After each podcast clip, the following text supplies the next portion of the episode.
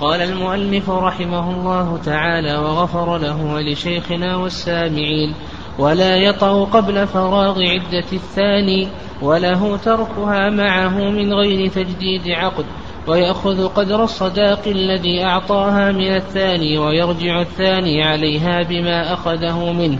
فصل في بيان حكم العدة من الغائب والموطوءة بشبهة أو زنا أو عقد فاسد أو في العدة. ومن مات زوجها الغائب أو طلقها اعتدت منذ الفرقة وإن لم تحد وعدة موطوءة بشبهة أو زنا أو بعقد فاسد كمطلقة وإن وطئت معتدة بشبهة أو نكاح فاسد فرق بينهما وأتمت عدة الأول ولا يحتسب منها مقامها عند الثاني ثم اعتدت للثاني وتحل له بعقد بعد انقضاء العدتين وإن تزوجت في عدتها لم تنقطع حتى يدخل بها فإذا فارقها بنت على عدتها من الأول ثم استأنفت العدة من الثاني وإن أتت بولد من أحدهما انقضت منه عدتها به ثم اعتد ثم اعتدت للآخر. ومن وطئ ومن وطئ معتدته البائن بشبهة استأنفت العدة بوطئه ودخلت فيها بقية الأولى وإن نكح من أبانها في عدتها ثم طلقها قبل الدخول بنت. تقدم لنا عدة ذات الأقرأ. وما المراد بالأقرأ؟ وقلنا بأن المفارقة في حال حياة إذا كانت ذات أقرأ فإنها تتربص أو تعتد بثلاثة قروء لقول الله عز وجل والمطلقات يتربصن بأنفسهن ثلاثة قروء. واختلف العلماء رحمهم الله تعالى في تفسير قرء هل هو الحيض أو الطهر؟ وأن مذهب أبي حنيفة والإمام أحمد أنه الحيض ومذهب مالك والشافعي أنه الطهر. وذكرنا دليل كل قول وما يترتب على هذا الخلاف من ثمرة.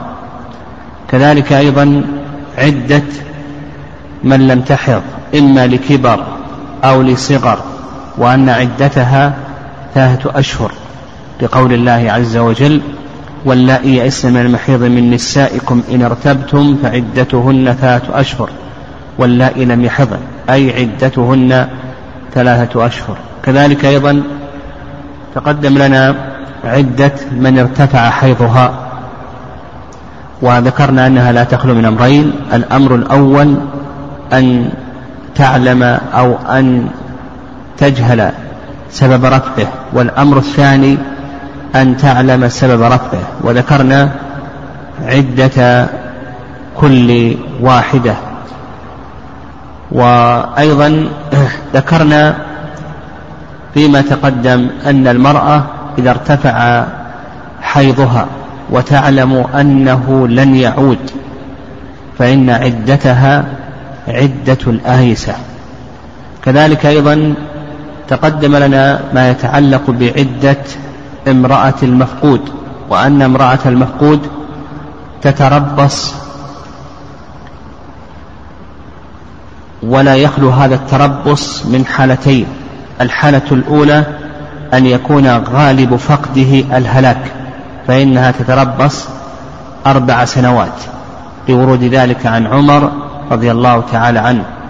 كلم كما لو فقد في سفينة غرقت ونحو ذلك أو بين الصفين القسم الثاني أن يكون غالب فقده السلامة كما لو خرج من بين أهله ولم يرجع فهنا تتربص إلى أن يبلغ التسعين سنة منذ ولد ثم بعد ذلك تعتد في الحالتين عدة الوفاة. وهذا هو المشهور من مذهب الإمام أحمد رحمه الله وذكرنا أن الشافعي رحمه الله يرى أن التربص يرجع إلى اجتهاد الحاكم القاضي وأن هذا يختلف باختلاف الزمان والمكان. وعلى هذا إذا اجتهد القاضي وضرب مدة للتربص فإنها تتربص قد يضرب سنة قد يضرب سنتين قد يضرب أقل من ذلك أو أكثر حسب الأحوال واختلاف المكان والزمان. ثم بعد ذلك بعد مدة التربص تعتد عدة الوفاة. إذا اعتدت عدة الوفاة فلها أن تتزوج. إذا تزوجت ثم قدم زوجها الأول فما الحكم فيما يتعلق بهذه الزوجة؟ وما الحكم فيما يتعلق بالصداق؟ تقدم أن ذكرنا أن المشهور من مذهب الإمام أحمد رحمه الله تعالى أنه إذا قدم الزوج الأول فإن هذا لا يخلو من أمرين. الأمر الأول أن يكون ذلك قبل الوطء يعني قبل أن يدخل بها. فهنا تكون زوجة للأول بلا خيار. والأمر الثاني أن يكون قدومه بعد دخوله بها بعد الوطء فحينئذ يكون مخيرا بين أن يأخذ زوجته وبين أن يأخذ الصداق الذي أعطاها. هذا هو المشهور من مذهب الإمام أحمد رحمه الله وذكرنا الرأي الثاني في هذه المسألة وأنه مخير مطلقا سواء كان ذلك أو سواء كان قدومه قبل وطء الثاني أو بعد وطء الثاني. قدم الأول بعد دخول الثاني أو قبل دخول الثاني فالأول مخير مطلقا وهذا اختيار شيخ الإسلام تيمية رحمه الله وهو ظاهر ما ورد عن الصحابة رضي الله تعالى عنهم. قال المؤلف وإن تزوجت فقدم الأول قبل وطء الثاني فهي للأول وبعده له وبعده له أخذها زوجة بالعقد الأول ولو لم يطلق الثاني. إذا كان قدومه بعد الوطء بعد أن وطئ الثاني.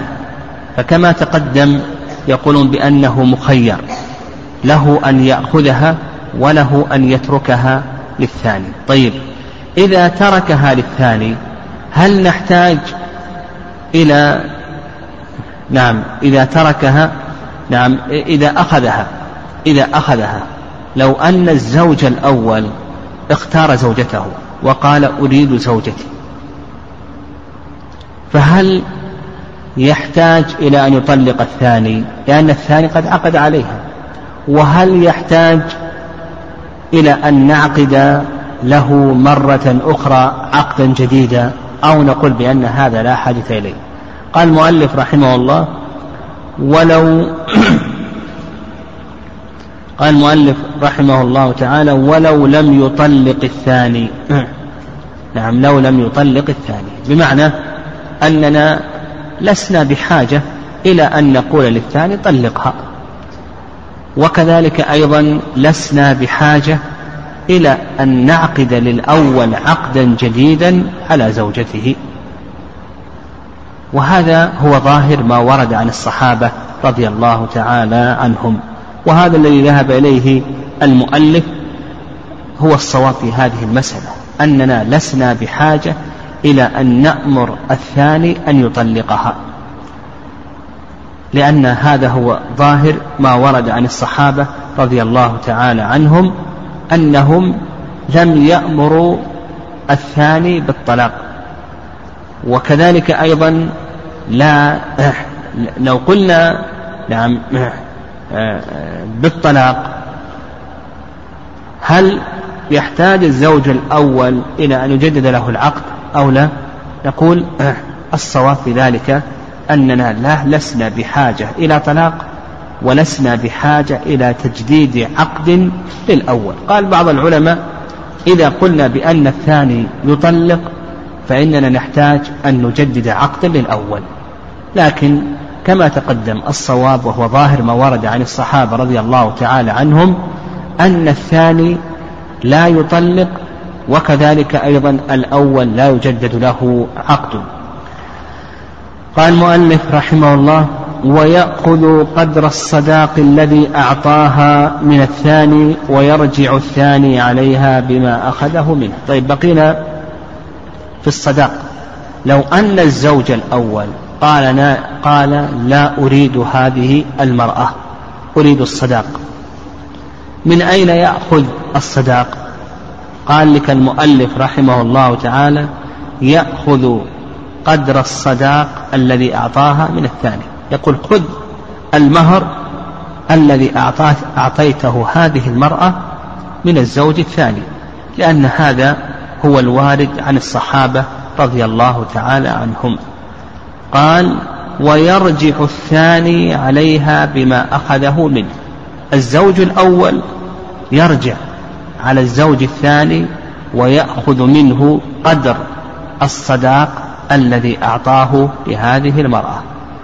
الزوج الثاني إذا دفع الصداق إلى الزوج الأول فإنه يرجع على الزوجة بقدر ما دفعه من الصداق إلى الزوج الأول. وهذا هو المشهور من المذهب. وعللوا ذلك قالوا يرجع الزوج الثاني عليها لأنها غرامة لزمته بسببها. يقولون هي غرامة لزمته بسبب وطئه لها. غرامة لزمته بسبب وطئه لها فيرجع عليها الزوج الثاني بما أعطى الزوج الأول من المهر. والرواية الثانية عن الإمام أحمد رحمه الله تعالى أنه لا يرجع عليها أن الزوج الثاني يغرمه للزوج الأول ولا يرجع الزوج الثاني على المرأة. وهذا القول هو الصواب. نعم هذا القول هو الصواب. لأن هذا أولا لأن هذا هو الظاهر عن الصحابة رضي الله تعالى عنهم. وثانيا لأن الزوج الأول دخل على بصيرة. نعم الزوج الأول دخل على بصيرة. وأن هذه المرأة هي امرأة من؟ امرأة مفقود. وامرأة المفقود ربما أنه يرجع زوجها في يوم من الأيام فهو الآن دخل على بصيرة. ممكن يعني يحتمل أن يقال بأنه إذا حصل له غش وتدليس ولم يعلم أنها امرأة أنها امرأة مفقود نقول حينئذ له أن يرجع عليها بما غرمه للزوج الأول. فأصبح عندنا التفصيل في هذه المسألة. إن دخل الزوج الثاني على أنها امرأة مفقود فقد دخل على بصيرة وليس له أن يرجع عليها بما غرمه للزوج الأول. وإن غش ولم يعلم أنها امرأة مفقود فله أن يرجع عليها بحصول الغرر له. قال المؤلف رحمه الله تعالى ومن مات زوجها الغائب أو طلق اعتدت منذ الفرقة. إذا مات زوج المرأة وكان غائبا ولم تعلم بموته إلا بعد شهر فهل تبدأ العدة من حين الموت أو تبدأ العدة من حين العلم بالموت. ومثله أيضا لو أن الزوج طلق زوجته ولنفرض أنه في مكة وهي في المدينة ولم تعلم بعد الطلاق إلا بعد أن مضى شهر حاضت حيضة. فهل نقول بأن العدة تبدأ من حين وقوع الطلاق أو نقول بأن العدة لا تبدأ إلا من حين علمها بالطلاق. للعلماء رحمهم الله في ذلك رأيان. الرأي الأول وهو الذي مشى عليه المؤلف رحمه الله تعالى أن العدة تبدأ من حين الموت ومن حين الطلاق. ولو لم تعلم المرأة نعم ولو لم تعلم المرأة إلا بعد فترة إلا بعد مضي زمن من العدة. وهذا ما عليه جمهور أهل العلم. يعني جمهور أهل العلم يقولون بأن العدة تبدأ من حين الموت وكذلك أيضا تبدأ من حين الطلاق. وعللوا ذلك أولا أو يدل لذلك ظواهر الأدلة. الله عز وجل قال والذين يتوفون منكم ويذرون أزواجا يتربصن بأنفسهن أربعة أشهر وعشرة وهنا توفي فيقع التربص. وأيضا الله سبحانه وتعالى يقول والمطلقات يتربصن بأنفسهن ثلاثة قروء هنا مطلقة فيقع التربص. ولأن القصد يعني آه، ليس شرطا في العدة. يعني كون الإنسان ينوي كون المرأة تنوي العدة هذا ليس شرطا. ولهذا العدة كما سيأتينا إن شاء الله في المتوفى عنها ها تجب حتى على المجنونة والمجنونة ليس لها قصد. وتجب أيضا حتى على الصغيرة والصغيرة ليس لها قصد. فنقول القصد في العدة غير معتبر بدليل أن الصغيرة كما سيأتينا إن شاء الله تجب عليها العدة والمجنونة أيضا تجب عليها العدة كما سيأتينا إن شاء الله في الإحداد. وأن الإحداد يلزم يعني المتوفى عنها زوجها يجب تجب يجب الإحداد حتى على الصغيرة وحتى على المجنونة إلى آخره لأن العدة فيها تعبدية. ولأنه زمن عقيب الموت أو الطلاق فوجب أن تعتد به. الرأي الثاني نعم الرأي الثاني قالوا بأن العدة تبدأ من حين علم المرأة بالموت. أو أو بالطلاق. وهذا قال به سعيد بن المسيب وعمر بن عبد العزيز. قالوا لورود ذلك عن علي بن أبي طالب رضي الله تعالى عنه. والصواب في هذا في هذه المسألة ما ذهب إليه جمهور أهل العلم. قال المؤلف رحمه الله وإن لم تحد. يعني وإن لم تأتي المرأة بالإحداد. ولنفرض أن امرأة توفي عنها زوجها. وبعد خمسة أشهر علمت أن زوجها قد توفي. انتهت عدتها. وكذلك أيضا لا يلزمها الإحداد.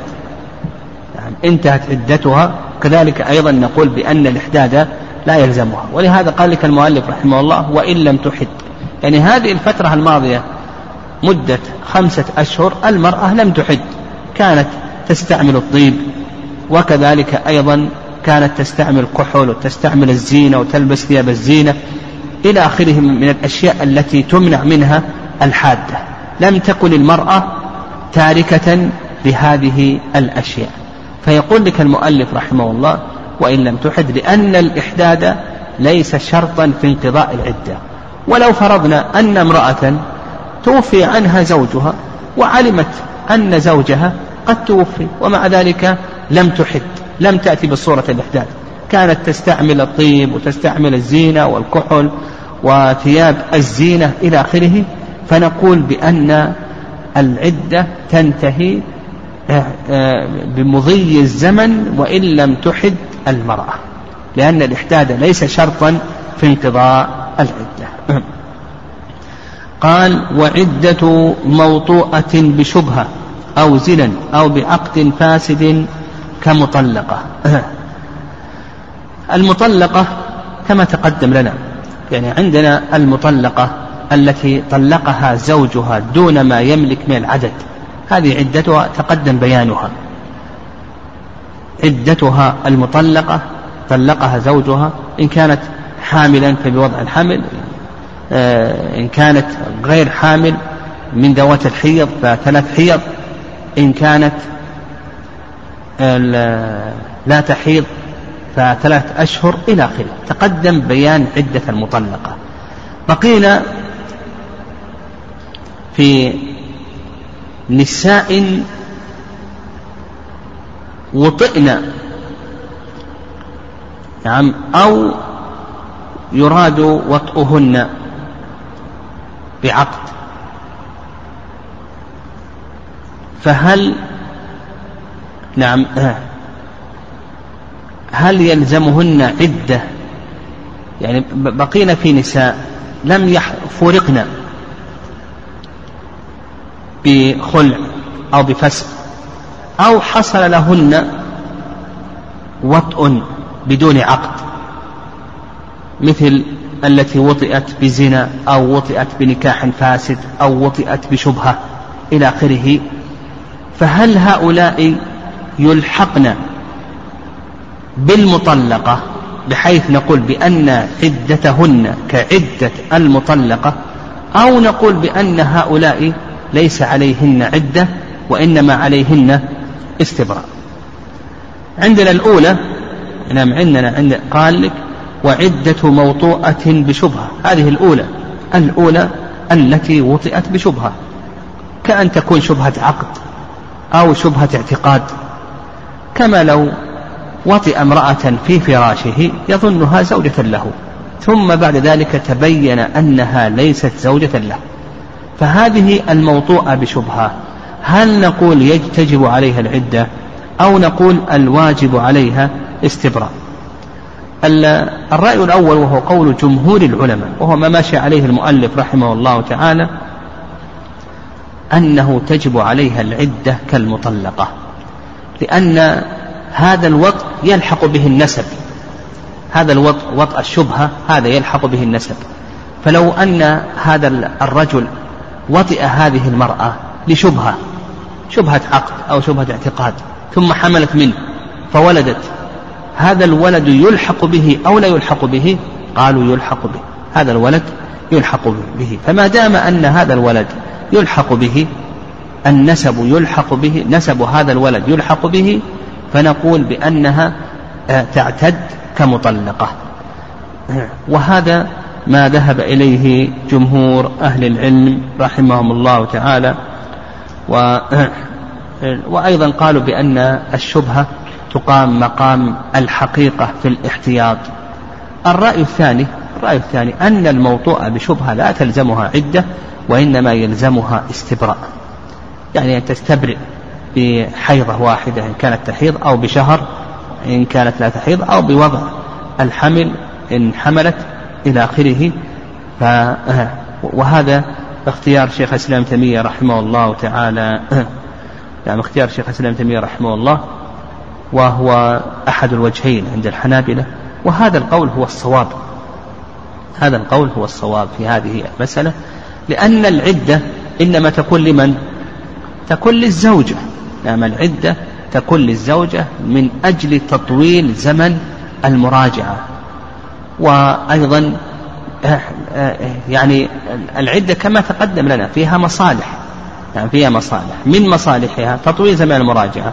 ومن مصالحها أيضا القيام بحقوق المرأة من النفقة والسكنة إلى آخره. هذه الأشياء غير موجودة في الموطوءة بشبهة. فالموطوءة بشبهة لا تجب لها النفقة.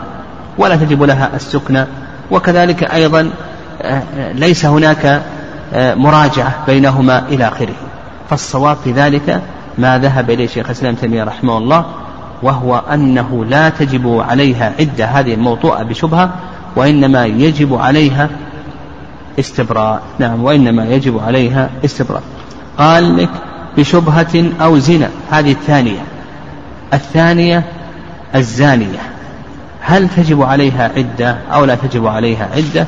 أيضا المشهور من مذهب الإمام أحمد رحمه الله أن الزانية تجب عليها عدة وعلى هذا إذا زنت هذه المرأة فإنه يجب عليها أن تعتد.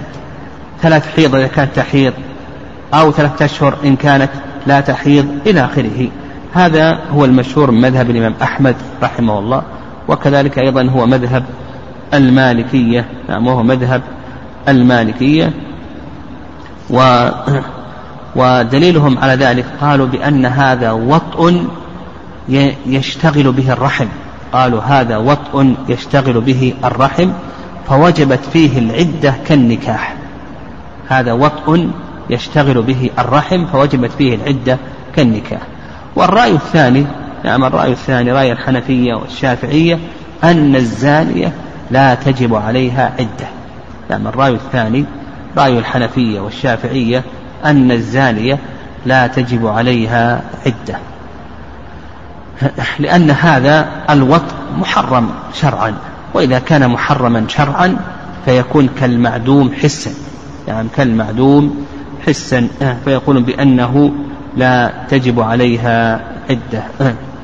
والعدة أيضا يقولون بأن العدة شرعت لحفظ النسب. والزنا لا يتعلق به ثبوت النسب. العدة شرعت للنسب لثبوت لحفظ النسب والزنا لا يتعلق به نعم نعم لا يتعلق به نسب. لكن الحنفية يقولون بأنها إذا حملت نعم بأنها إذا حملت نعم نعم إذا حملت من هذا الزنا فإنه لا يطأها زوجها. لا يطأها زوجها. والرأي الثالث أن الزانية عليها استبراء. نعم الزانية عليها استبراء. والصحيح في ذلك أن يقال فيه تفصيل بالنسبة للزانية الزانية نقول فيه تفصيل. آه، نقول إذا زنت المرأة آه، لا تخلو من أمرين. إما أن تكون ليست ذات زوج. فهذه يلزمها ماذا؟ الاستبراء. يعني لا يجوز أن يعقد عليها حتى تستبرأ. وكما ذكر الشيخ الإسلام تيمية رحمه الله أنه لا بد من استبرائها. أنه يلزمها الاستبراء. الزاني وابن القيم. فنقول إذا كانت ليست ذات زوج فنقول يجب عليها ماذا؟ الاستبراء. القسم الثاني أن تكون الزانية ذات زوج. يعني أن تكون الزانية ذات زوج. فإن كان الولد للزوج فلا يجب الاستبراء ولا يجب عدة بل الزوج له أن يطأ. إذا كان الولد للزوج بأن تزني وهي حامل. بأن تزني وهي حامل. فنقول هنا لا يجب عدة ولا استبراء. للزوج أن يطأ. الولد للفراش والعاهر الحجر والزنا هذا كما يقول الشافعية لا عبرة به. هذا وطء محرم لا عبرة به. فلا يمنع فالحرام لا يحرم الحلال. فإذا كانت المرأة حاملا فللزوج أن يطأ طيب إذا كان الولد للزاني كما لو استبرأها الزوج هذا القسم الثالث أن يكون الولد للزاني كما لو استبرأها الزوج بمعنى أنها طهرت من حيضتها ثم بعد ذلك زنت ها فنقول يجب على الزوج أن يستبرئ نعم يجب لأن لأنه قد يظهر أن هذا آه، الولد لمن؟ ها؟ للزاني. الحالة الرابعة والقسم الرابع إذا كان ألو... آه، الزوج لم يستبرئ يعني هي طهرت من حيضتها وطئ الزوج ثم زنت فهنا نقول كما يقول الشافعية الصحيح أنه كما يقول الشافعية لا تجب عدة ولا استبراء والزوج له أن يطأ والولد لمن؟ للفراش. فأصبحت الأقسام كم؟ أربعة. القسم الأول أول عندنا الأقوال المذهب ومذهب المالكية يجب ماذا؟ عدة. الشافعية والحنفية لا تجب العدة. الرأي الثالث استبراء كلام شيخ الإسلام ابن القيم الاستبراء. الصواب كما ذكرنا لو ينقسم إلى أربعة أقسام القسم الثاني القسم الأول أن يكون الولد للزوج كما لو كانت حاملا. لما أن يكون الولد للزوج كما لو كانت حاملا فهنا لا تجب عدة ولا استبراء كما لو زنت وهي حامل. الحالة الثانية أن يكون الولد للزاني كما لو استبرأها الزوج يعني حاضت ولم يطأ الزوج حتى زنت. ها؟ فنقول هنا يجب ماذا؟ الاستبراء. لئلا تختلط المياه. الحالة الثالثة الحالة الثالثة أو القسم الثالث أن أن لا يستبرئ الزوج. يعني يحتمل أن يكون آه، الولد من الزوج ويحتمل أن يكون من الزاني طهرت من حيضتها. ووطئ الزوج ثم وطئ الزاني فنقول لا تجب عدة ولا استبرأ وللزوج أن يطأ لأن الحرام لا يحرم الحلال. طيب القسم الرابع ها؟ إذا كانت غير ذات زوج هذا القسم إذا لم يكن لها زوج وزنت فهنا نقول الصواب أنه يجب تجب استبراء. لما تقدم أن العدة لا تجب لأن العدة لتطويل زمن المراجعة وهذه ليست لها مراجعة. وأيضا العدة من مصالحها القيام بالمرأة من النفقة والسكنة والزانية ليست زوجة حتى ينفق عليها أو تسكن نحو ذلك. قال المؤلف رحمه الله أو بعقد فاسد كمطلقة. هذه الثالثة من وطئت بعقد فاسد. يعني من وطئت بعقد فاسد. ف إذا وطئت بعقد فاسد هذا باتفاق الأئمة أنه تجب العدة. نعم باتفاق الأئمة أنه تجب العدة. والرأي الثاني نعم الرأي الثاني كما تقدم اختيار شيخ الإسلام تيمية رحمه الله وابن القيم أنه لا تجب العدة. الصواب أنه يجب عليها استبراء أيضا الرابعة من وطئت بعقد فاسد. أيضا الصواب أن نقول بذلك أنه تجب عليها ماذا؟ يجب عليها استبراء ولا يجب عليها عدة. خلافا للمشهور من المذهب إلى آخره. الخامسة نعم الخامسة.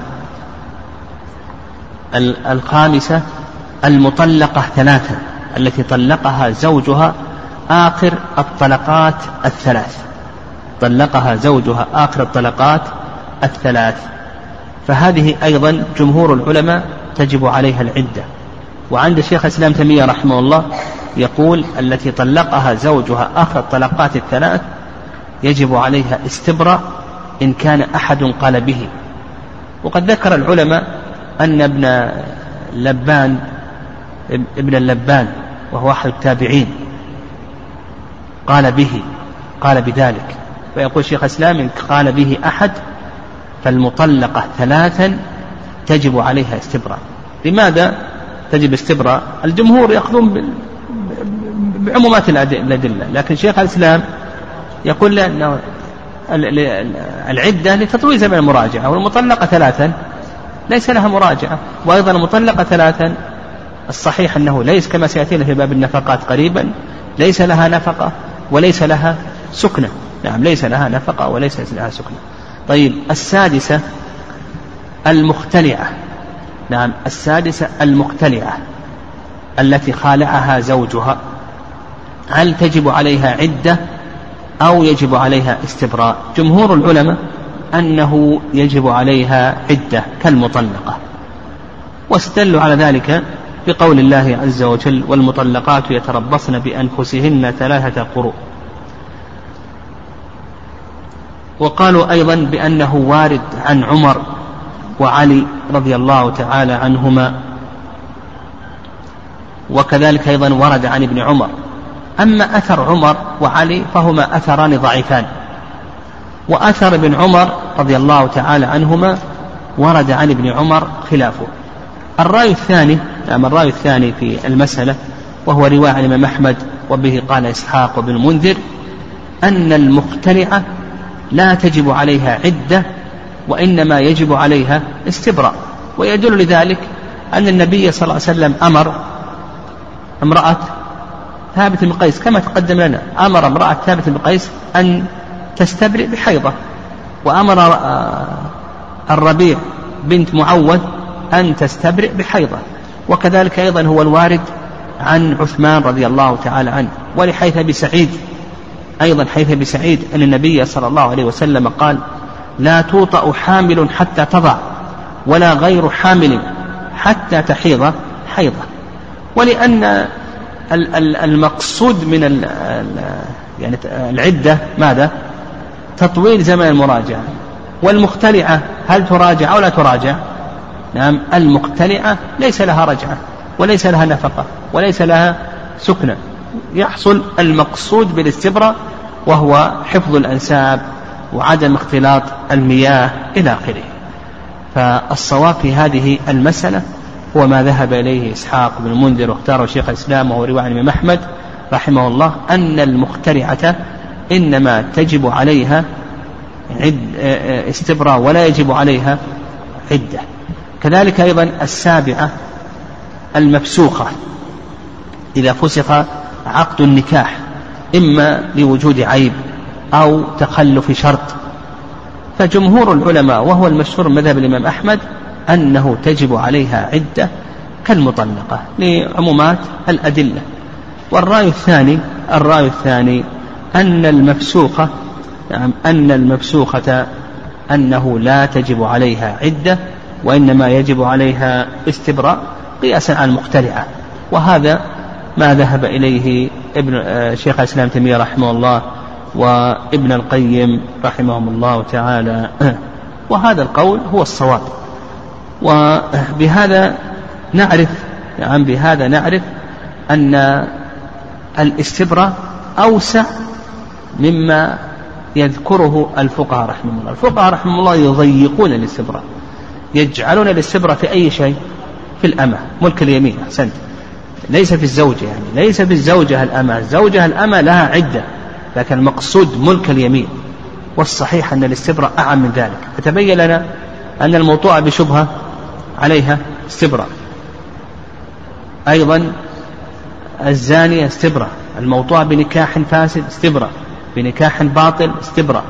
أيضا المطلقة آخر الطلقات الثلاث كما يقول ابن تيمية رحمه الله استبراء. المخترعة استبراء. المفسوخة استبراء. كذلك أيضا المسبية المسبية التي سباها المسلمون الكافرة هذه أيضا استبراء عليها. كذلك أيضا المهاجرة أيضا عليها استبراء. إذا هاجرت أسلمت ثم هاجرت فإن المسلمين ليس لهم آه، آه، أن يطعوا هذه المرأة بعقد إلا بعد الاستبراء. آه، كذلك أيضا إذا أسلمت وأردت تتزوج فإنه يلزمها ماذا؟ نعم يلزمها استبراء. نعم قال المؤلف رحمه الله تعالى وإن وطئت معتدة بشبهة أو نكاح فاسد فرق بينهما إلى آخره.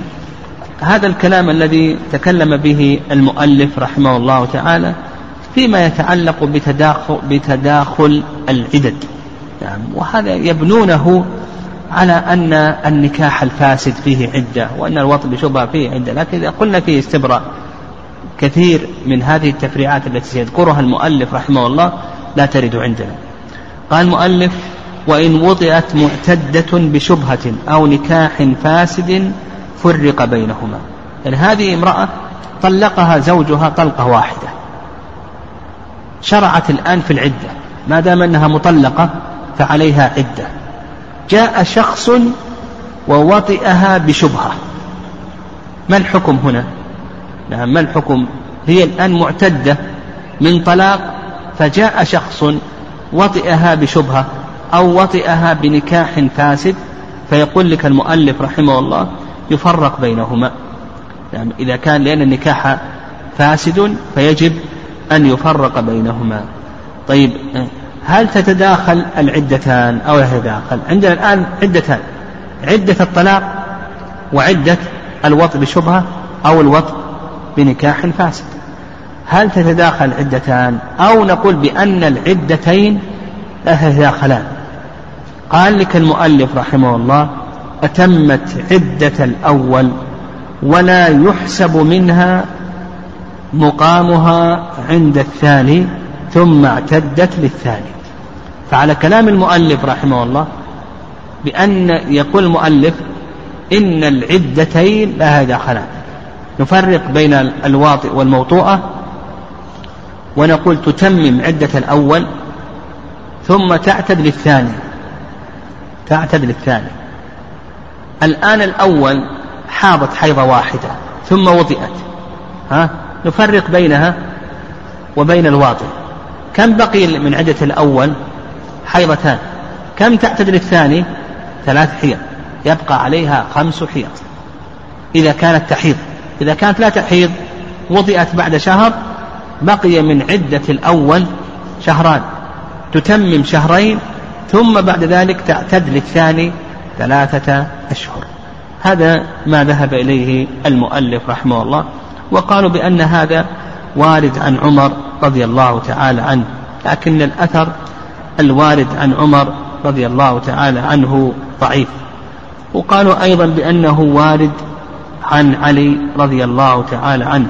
علي رضي الله تعالى عنه قضى في التي تزوج في عدتها أنه يفرق بينهما ولها الصداق بما استحل من فرجها وتكمل ما أفسدت من عدة الأول وتعتد من الآخر. هذا الشاهد. تكمل ما أفسدت من عدة الأول وتعتد من الآخر. وهذا رواه الإمام مالك والشافعي والبيهقي وإسناده صحيح عن علي رضي الله تعالى عنه. لكن إذا قلنا إذا قلنا بأن ما تقدم بأن الوطء الثاني سواء كان بنكاح فاسد أو بشبهة قلنا أصلا ما تجب فيه عدة وإنما يجب فيه ماذا؟ استبراء. يعني يجب فيه استبراء فلا حاجة إلى عدة أخرى. ويكفي الاستبراء آه، يحصل بوجود الحيضتين الباقيتين. يعني آه، بوجود الحيضتين الباقيتين. ولأن الواطئ الثاني ليس زوجا حتى نثبت له عدة. فالصواب في ذلك أنه نقول يكتفى بالاستبراء وإذا اكتفينا بالاستبراء فإننا نكتفي بأي شيء؟ بالحيضتين السابقتين. قال المؤلف رحمه الله تعالى وتحل له بعقد بعد بعقد وتحل له بعقد بعد انقضاء العدتين. يعني الواطئ الثاني هل تحرم عليه إذا وطئها في العدة أو لا تحرم عليه؟ يقول لك المؤلف رحمه الله لا تحرم عليه ما دام أنه معذور بشرط أن يكون معذورا. إما بوطئ شبهة أو نحو ذلك أو بنكاح يظنه صحيحا إلى آخره فنقول بأنها آه نقول بأنها تحل له بعد انقضاء العدتين. لقول علي رضي الله تعالى عنه إذا انقضت عدتها فهو خاطب من الخطاب إذا انقضت عدتها فهو خاطب من الخطاب لكن إذا كان غير معذور بالوطء. نعم إذا كان غير معذور بالوطء. كما لو آه، استعجل الزواج في العدة لأن الزواج في العدة حكمه ماذا؟ محرم ولا يجوز. الله عز وجل يقول ولا تعزموا عقدة النكاح حتى يبلغ الكتاب أجله. فنقول آه، بأنه آه، نقول بأنه آه، إذا كان غير معذور اللي يظهر والله أعلم القاعدة أن من تعجل شيئا قبل أوانه أنه يعاقب بحرمانه وأنها لا تحل له. قال المؤلف رحمه الله وإن أتت بولد من أحدهما انقضت منه عدتها ثم اعتدت للآخر. هذا كما تقدم لنا إذا أتت بولد من أحدهما. يعني هذه المرأة الآن معتدة طلقها زوجها طلقة واحدة ثم وطئت بشبهة ثم حملت من هذا الوطء فنقول بأن عدة الثاني تنتهي بأي شيء؟ بوضع الحمل. فإذا وضعت الحمل انتهت عدة الثاني. نقول بأن عدة الثاني تنتهي بوضع الحمل. ثم بعد ذلك بعد أن تنتهي من وضع الحمل ماذا؟ تكمل عدة الأول بحيضتين. نعم تكمل عدة الأول بحيضتين. قال ومن وطئ معتدته البائن بشبهة استأنفت العدة بوطئه ودخلت فيها بقية الأولى. آه، يعني صورة المسألة هذا رجل طلق زوجته آه، ومن وطئ معتدته البائن بشبهة يعني وطئ معتدته البائن بشبهة في عدتها كما لو خلع كما لو خلع الزوج زوجته إذا حصلت المخالعة المختلعة على المذهب يجب عليها ماذا؟ عدة. وقد بانت منه بينونة صغرى. قالت قانت الآن بانت منه بينونة صغرى. هذه المخلوعة وطئها زوجها الذي خالعها بشبهة. يظنها زوجة له. فتبين أنها ليست زوجة له وأنه قد خالعها. ثم فما الحكم هنا؟ الآن عندنا وطء بشبهة وعندنا عدة الخلع ها فما الحكم؟ قال لك المؤلف رحمه الله استأنفت العدة بوطئه ودخلت فيها بقية الأولى. فيرى المؤلف رحمه الله هنا أن العدتين تتداخلان. لأن العدتين ها لشخص واحد. يعني العدتان هنا لشخص واحد لأنهما عدتان من واحد. وعدتان من واحد لوطئين يلحق النسب فيهما لحوقا واحدا فيتداخلان فيرى المؤلف رحمه الله أن العدة ما دامت أنها لواحد أن العدة تتداخل أن العدة تتداخل أه. أه. فهذا رجل خلع زوجته أو فسخها هنا بنت منه بينونة صغرى وعليها العدة على المذهب إذا وطئها بشبهة نعم إذا وطئها بشبهة ماذا؟ يقول لك المؤلف رحمه الله تبدأ عدة بهذا الوطء وبقية العدة الأولى تدخل في الثانية. لما وطئها الآن تعتد للوطء بشبهة ثلاث حيض وبقي عليها حيضتان من العدة الأولى فتدخل هاتان الحيضتان في الثلاث الحيض فيلزمها ثلاث حيض. وإذا قلنا قلنا بأن الوطء بشبهة استبراء. ها؟ قلنا الوطء بشبهة استبراء. نقول الآن بقي عليها حيضتان عدة الخلع. يلزمها ماذا؟ يلزمها حيضتان. وإذا قلنا بأن الخلع استبراء نقول يجب عليها أن تستبرئ ما إن إن إن بالنسبة للخلع إن إن حاضت انتهت استبراؤها.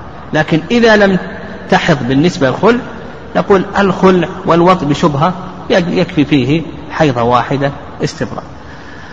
قال المؤلف رحمه الله وإن نكح من أبانها في عدتها ثم طلقها قبل الدخول بنت.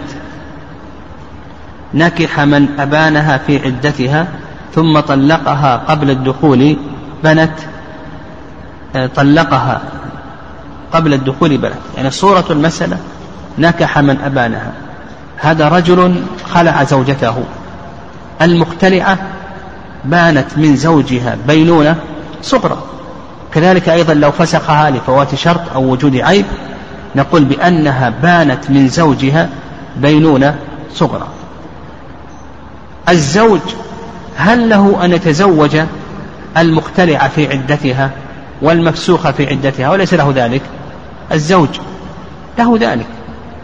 نعم له ذلك. الزوج له ذلك. أما غير الزوج ليس له ذلك. يعني له أن يعقد عليها. لكن هل له أن يراجع؟ نقول ليس له أن يراجع. لكن له أن يعقد عليها في عدتها. طيب إذا عقد عليها هذا رجل خالع زوجته.